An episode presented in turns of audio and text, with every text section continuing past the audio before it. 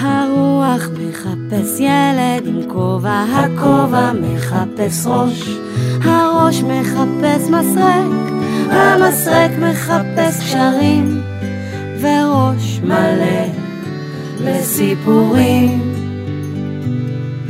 וראש מלא בסיפורים. סיפורים ושירים מאת פוצ'ו. כמה מילים לפני ההקדמה. שמי עמנואל. אבל כולם קוראים לי בקיצור נלי. או לפעמים, כשרוצים להרגיז אותי, נלי הגפרור. אבל אותי זה לא מרגיז, כי אני לא מאלה המתרכזים בקלות. אפילו כשאני הולך ברחוב, ואנשים שאני לא מכיר קוראים לי איה. גם אז אני לא מתרגז, אני פשוט מבין ששוב התבלבלתי ולבשתי את החולצה של אחותי. איה היא אחותי הגדולה והג'ינג'ית. היא מלאה כל היום טענות על כל העולם, ובייחוד עליי. אמא מנסה תמיד להשכין שלום בינינו ואומרת לי, עזוב אותה, אתה לא מבין שהיא במתח? גם אני הייתי עצבנית כשהייתי בגילה. הדברים לא כל כך משכנעים אותי, כי אני זוכר שאיה הייתה במתח עוד לפני שהיא הגיעה לגיל המתח. למרות כל הטענות שיש לה, אני משתדל להתנהג אליה בנימוס ולשתף אותה בכל סודותיי בתנאי שהיא לא תספר לאימא. היום גיליתי לסוד שאני מתחיל לכתוב יומן סודי, וביקשתי ממנה שתכתוב לו את ההקדמה. כרגיל, היא לא התרגשה מהכבוד הזה, ואמרה לי, אתה מדבר שטויות, נלי. בשביל מה לכתוב הקדמה? הרי הקדמה אף אחד לא קורא. לא הסכמתי איתה. אמרתי לה שלדעתי הקורא רוצה לדעת מי הוא המחבר, מה הוא עושה, ואיך הוא נראה, ואת כל הדברים האלה כותבים בהקדמה. למה החלטתי לבסוף להתחיל את היומן בלי שום הקדמה? אמרה לי איה, אני אומרת לך שאת ההקדמות אף אחד לא קורא. אבל אם אתה דווקא מתעקש, שב ותכתוב בעצמך. אמרתי לה, את צודקת, אבל לא נעים לי לכתוב על עצמי. איך זה יתקבל אם אני אכתוב, שמי נלי, ואני ילד חכם, מוכשר, טוב, חרוץ, יפה, אמיץ, ועוד כמה דברים שלא נעים לי לכתוב אותם, מפני שאני גם צנוע. הרי כולם יחשבו שאני גאוותן ולא ירצו לקרוא הלאה. אבל אם את תכתבי, מחבר היומן הוא ילד חכם מאוד, יפה להפליא, אמיץ ללא חת, וכולי וכולי, אז תהיה לזה צורה אחרת. איה לא נתנה לי לגמור את דבריי, ואמרה כי למרות שהצדק איתה, היא בכל זאת תשב לכתוב לי את ההקדמה, מפני שהיא יודעת שאני נודניק נוראי. אמרתי לה, תודה, לא אכפת לי מה שאת חושבת עליי, העיקר שתכתבי.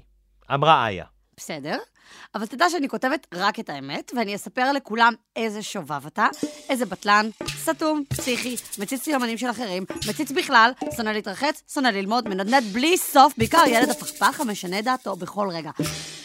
עכשיו תן לי את המחברת. לא נתתי לה. רציתי קודם לחשוב. חשבתי וחשבתי, והחלטתי שהפעם, באופן יוצא מן הכלל, היא צודקת. בשביל מה אני צריך הקדמה ליומן שלי? הרי ממילא אף ילד לא יקרא אותה. את מי בכלל מעניינות ההקדמות?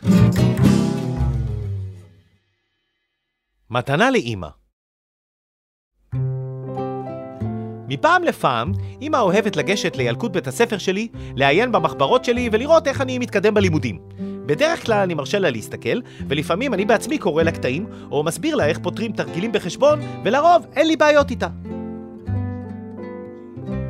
לפני שבוע, כשאימא רצתה כהרגלה להוציא את מחברת היומן שלי, נזכרתי פתאום כי הפעם יש לי סוד בשבילה, והספקתי לקפוץ בעוד מועד ולהוציא מידה את המחברת. למה? התפלאה אימא. זה, זה, זה, זה, זה סוד! גמגמתי. תחילה אימא לא הבינה מה פתאום יש סודות בינינו, אך לפתע אורו עיניה, היא נתנה לי נשיקה על הלחי ואמרה, אם זה סוד, אז תשמור עליו ואל תגלה לאיש. תסמכי עליי! אמרתי והחזרתי את המחברת לתיק. זה קרה ביום שלישי לפני שבוע, הערב הגיע המשכו של הסיפור. ישבנו לארוחת הערב. השולחן היה עטוי מפה לבנה, ועליה בקבוק יין אדום מתוק, עוגת קרם וצנצנת ורדים. ישבנו בחגיגיות רבה ושרנו היום יום הולדת, היום יום הולדת, היום יום הולדת לאמא הרזה. היה נחמד מאוד.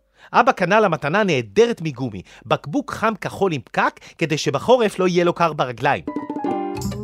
איה קנתה לה ספר בישול עם ציורים ששמו איך ללמוד לבשל בלי לשרוף את העוגות, והגישה לה אותו בחשיבות מרובה. רק לי לא היה מה להגיש. אמנם הכנתי משהו, אבל בצהריים חשבתי שממילא אמא תכבד את כולם בשוקולד הזה, וגמרתי אותו לבד עוד לפני הארוחה. מה איתך? שאל אבא. מה קנית לאמא בכסף שנתתי לך?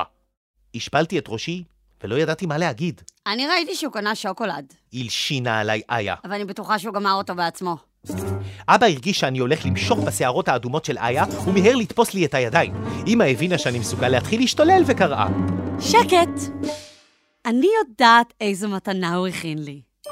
מיד השתררה דממה, כי כולנו רצינו לדעת על איזו מתנה היא מדברת, בייחוד אני, אל תחשבו שאין לי עיניים בשכל. אמרה אמא. לפני שבוע כמעט נתקלתי במתנה שלו לא בכוונה, אבל הוא ברגע האחרון הספיק להוציא לי אותה מהידיים. תחילה לא הבנתי מדוע, אך מיד נזכרתי שיש לי יום הולדת, ותיארתי לעצמי שהוא כתב או צייר משהו נחמד בשבילי. איש לא הבין על מה אמא מדברת, וגם אני לא, כי אני שוכח דברים שלא כדאי לזכור. אתה רוצה להביא בעצמך, או שאני אביא? שאלה אמא. תביאי את! אמרתי בצניעות, מת מסקרנות לדעת מה היא מתכוונת להביא. אמא מיהרה לחדרי וחזרה עם הילקוט שלי. פתחה אותו, פשפשה בין המחברות והוציאה את יומן בית הספר המקושקש שלי. היא התחילה לדפדף, ואני עוד לא זכרתי כלום, ורק עקבתי אחריה בסקרנות יחד עם כולם. אמא דפדפה, דפדפה, ופתאום הגיעה לדף אחד ונעצרה. הסתכלה עליו, ואחר כך הסתכלה עליי. ברגע זה נזכרתי מהו הדף, וזינקתי כדי להוציא ממנה את המחברת, אבל איחרתי. גם אבא וגם איה הספיקו לקרוא את ההערה של המורה שולמית כתובה בדיו האדום שלה. אל ההורים, עמנואל לא הכין שיעורים וגם מפריע בכיתה. דברו עמו. הייתה דממה גדולה מסביב לשולחן. כולם הסתכלו עליי בתוכחה רבה, ולמרות בקשתה המפורשת של המורה, לא רצו לדבר איתי. אולי יותר טוב ככה.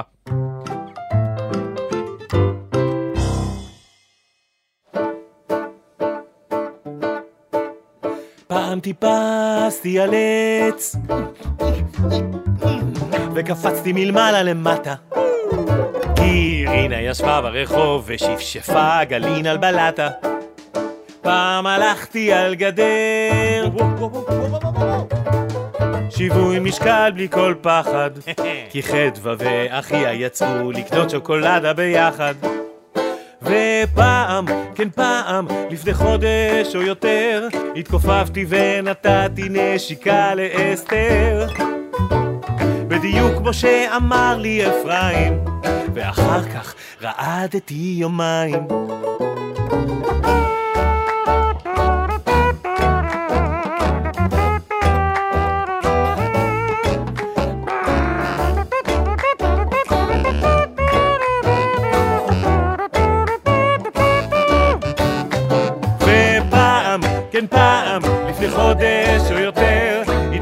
התכופפתי ונתתי נשיקה לאסתר, בדיוק כמו שאמר לי אפרים, ואחר כך רעדתי יומיים. מעשה בילדה שהתאהבה בי. אני אומר לכם, הצלחה כזאת אצל בנות, כמו שהייתה לי באילת, מזמן לא הייתה לי. קוראים לה יסמין, יש לה אוזניים גדולות כאלה, ואף שנגמר עם התרוממות ושערות בצבע זהב, בדיוק כמו שאני אוהב.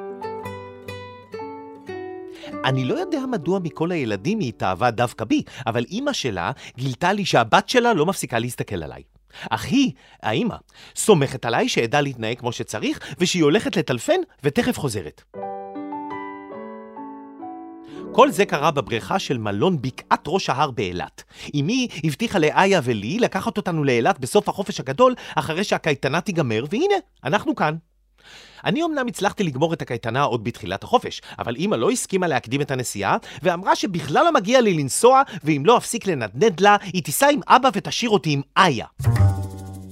להישאר בבית עם איה הג'ינג'ית זה עונש כבד מדי בשבילי, ואני השתדלתי להיות ילד טוב, ולא להזכיר לאמא את אילת יותר מפעמיים ביום, עד שנמאס לה, והיא לקחה אותנו לעיר הלוהטת הזאת שבוע קודם. והנה אנחנו באילת, ואני מבולבל מאוד. מפני שעד עכשיו אף ילדה לא התאהבה בי כל כך חזק. היינו יחד בתוך המים, והיא כל הזמן התיזה עליי מים, וצחקה. אני לא כל כך צחקתי. רצתי אחריה, תפסתי אותה והחזקתי בשתי ידיה. בדיוק ברגע זה אימא שלה חזרה, ובמקום לצעוק עליי, צחקה, ושאלה אם היה לנו נחמד. אני חושב שגם האימא התאהבה בי. למחרת היא ואימי קבעו לנסוע בסירה לאי האלמוגים. בסירה ישבתי בין אימי מצד אחד ויסמין מהצד השני. אימא של יסמין ויתרה על הטיול ברגע האחרון בגלל כאב ראש פתאומי, ואני נשארתי לבד עם הילדה. כשאספר אחר כך בבית הספר איזו הצלחה הייתה לי באילת, בטח אף אחד לא יאמין לי, אבל לא אכפת לי. העיקר שאני יודע את האמת. הטיול היה נחמד. אי האלמוגים הוא חלום של אי, ויסמין כל הזמן נדחפה אליי וחשבה שאני לא מרגיש. אתם אולי רוצים להגיד שזה עוד לא סימן שהיא התאהבה בי, אז יש לי גם סימן אחר. אמא שלה בעצמה גילתה לי את זה. היא באה אלינו אחרי ארוחת ערב, ואמרה שיסמין מתגעגעת אליי ומזמינה אותי אליה לחדר.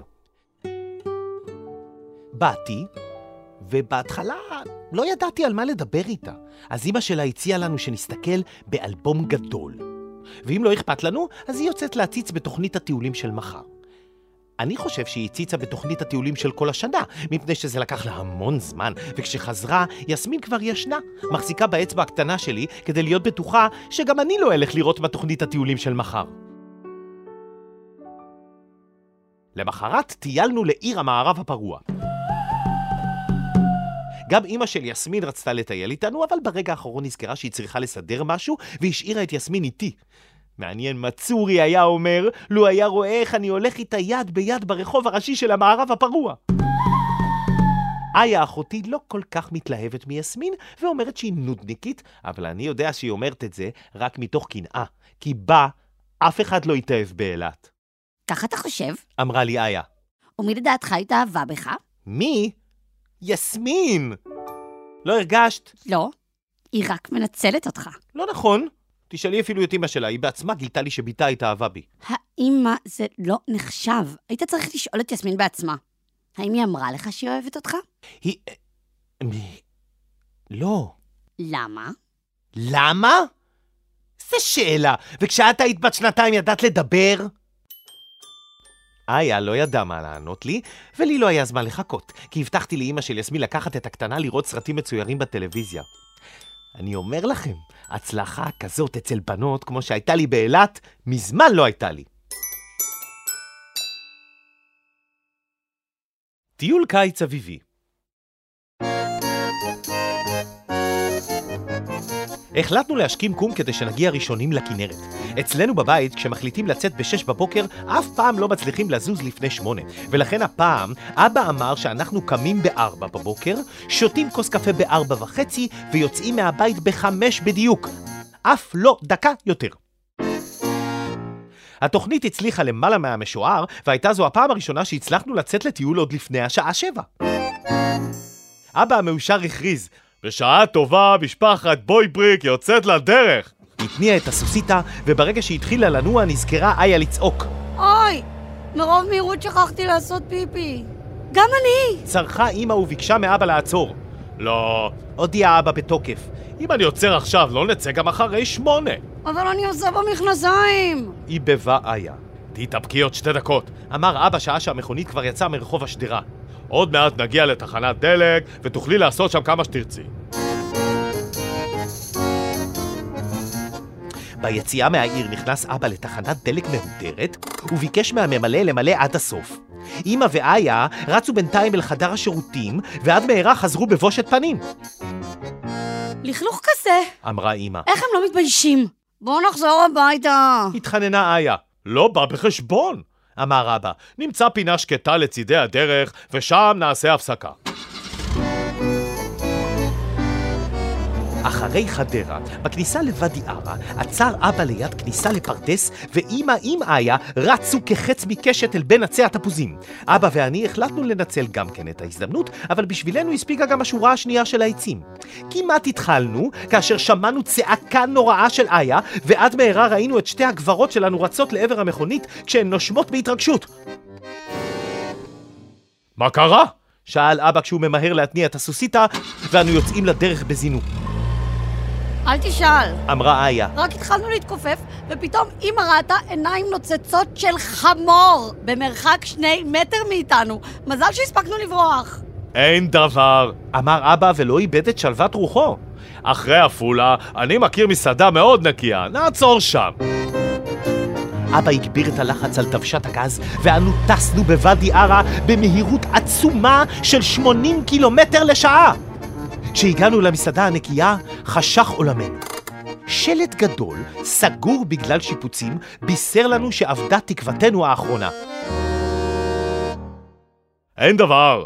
אמר אבא. עוד רבע שעה נגיע לכנרת, ושם בטח נמצא מקום מתאים.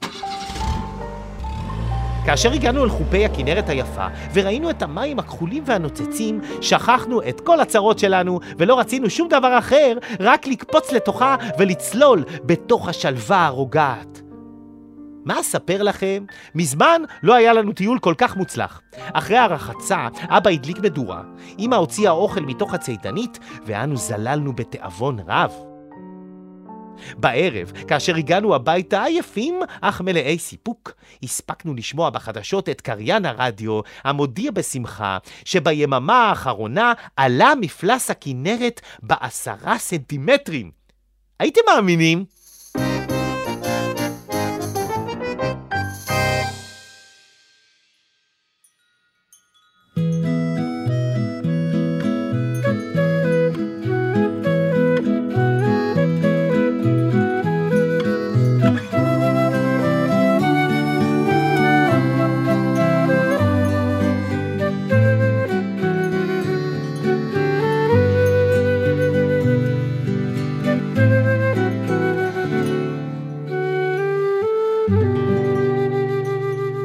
האזנתם לסיפורים ושירים מאת פוצ'ו.